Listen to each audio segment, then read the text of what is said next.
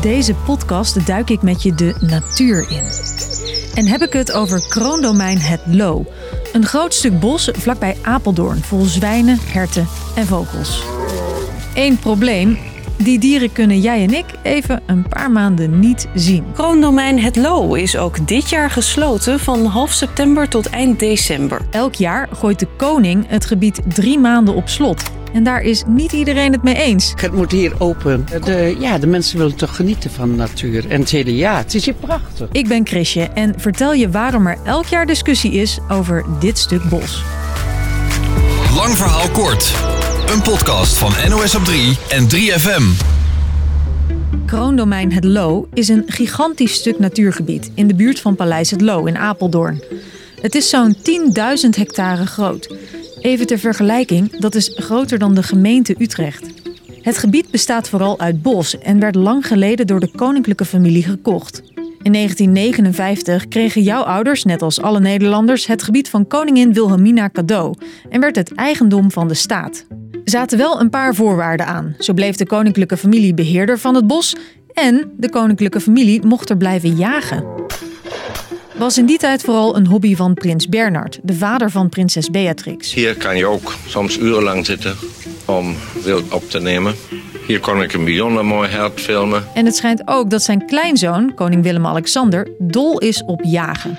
Zo gaan er verhalen rond dat Willem-Alexander elk jaar na Prinsjesdag en het voorlezen van de troonrede Leden van de Staten-Generaal. een paar gasten uitnodigt voor een middagje jagen in kroondomein Het Loo.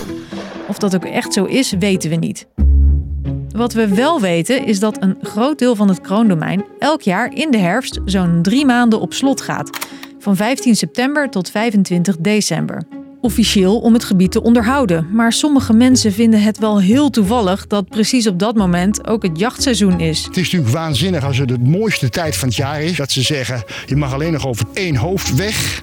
En voor de rest blijf je eruit, want de koning moet eh, jagen. Het bos is toch van iedereen, is van ons allemaal. Nou, en nou gaan ze op bepaalde momenten gaan ze hem dicht doen en jagen. Harry Vos voert al tientallen jaren actie tegen de sluiting van het natuurgebied en de jacht. Ook al toen prins Bernard er nog rondliep. Toen eh, ging prins Bernhard nog eh, veel op jacht. en die hebben we toen hier eh, hinderlijk achtervolgd altijd. En er is nog een reden waarom mensen boos zijn dat de boel maandenlang op slot gaat. Geld. Iedereen met een groot natuurgebied kan subsidie krijgen om dat gebied te onderhouden. Ook de koning. De afgelopen vijf jaar kreeg hij bij elkaar bijna 5 miljoen euro voor het onderhoud van het kroondomein. Maar aan zo'n subsidie zit wel een voorwaarde. Het gebied mag maar maximaal één week per jaar dicht.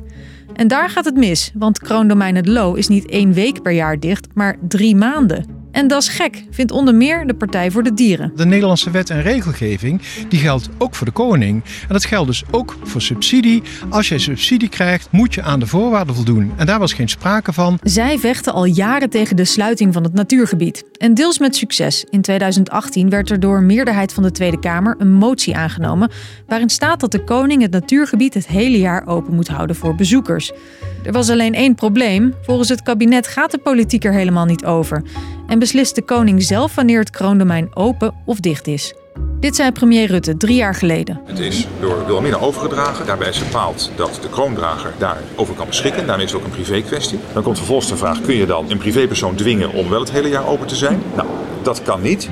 Nu is het gebied opnieuw voor drie maanden dicht. Maar misschien deze keer wel voor het laatst. Demissionair minister Schouten besloot vorige week dat de koning alleen nog maar subsidie krijgt als hij zich ook aan de regels houdt.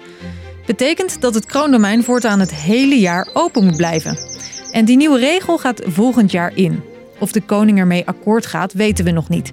Dit zei hier een paar maanden geleden over. We gaan ervan uit dat gelijke monniken gelijke kappen. Dus alle grote terreinen in Nederland, alle grote landgoederen, op dezelfde manier behandeld worden. Het kroondomein niet anders dan andere. Het lijkt er dus op dat het kroondomein na jaren actie voeren dit jaar voor het laatst maanden dicht gaat. Al heeft de koning, volgens verslaggever Albert Bos, nog wel een andere optie. Ja, hij kan natuurlijk gewoon eigenlijk altijd zeggen: Weet je wat, dan vraag ik geen subsidie meer aan. Kan hij wel zijn eigen openingstijden bepalen. Maar die signalen zijn er in Den Haag in ieder geval niet. Dus, lang verhaal kort. Iedere herfst is er discussie omdat kroondomein het Loo dan drie maanden dicht gaat. Officieel om het natuurgebied te onderhouden, maar waarschijnlijk gaat de koning er ook jagen. Vinden actievoerders en een meerderheid van de Tweede Kamer niet oké. Vooral omdat de koning veel subsidie krijgt en zich nu niet aan de regels houdt. Daarom moet de koning nu kiezen tussen subsidie of drie maanden jagen. Wat de keuze wordt, dat horen we waarschijnlijk binnenkort. En wat altijd open is zonder te jagen, onze podcast. Morgen rond 5 uur schieten we een nieuwe aflevering in je favoriete podcast-app.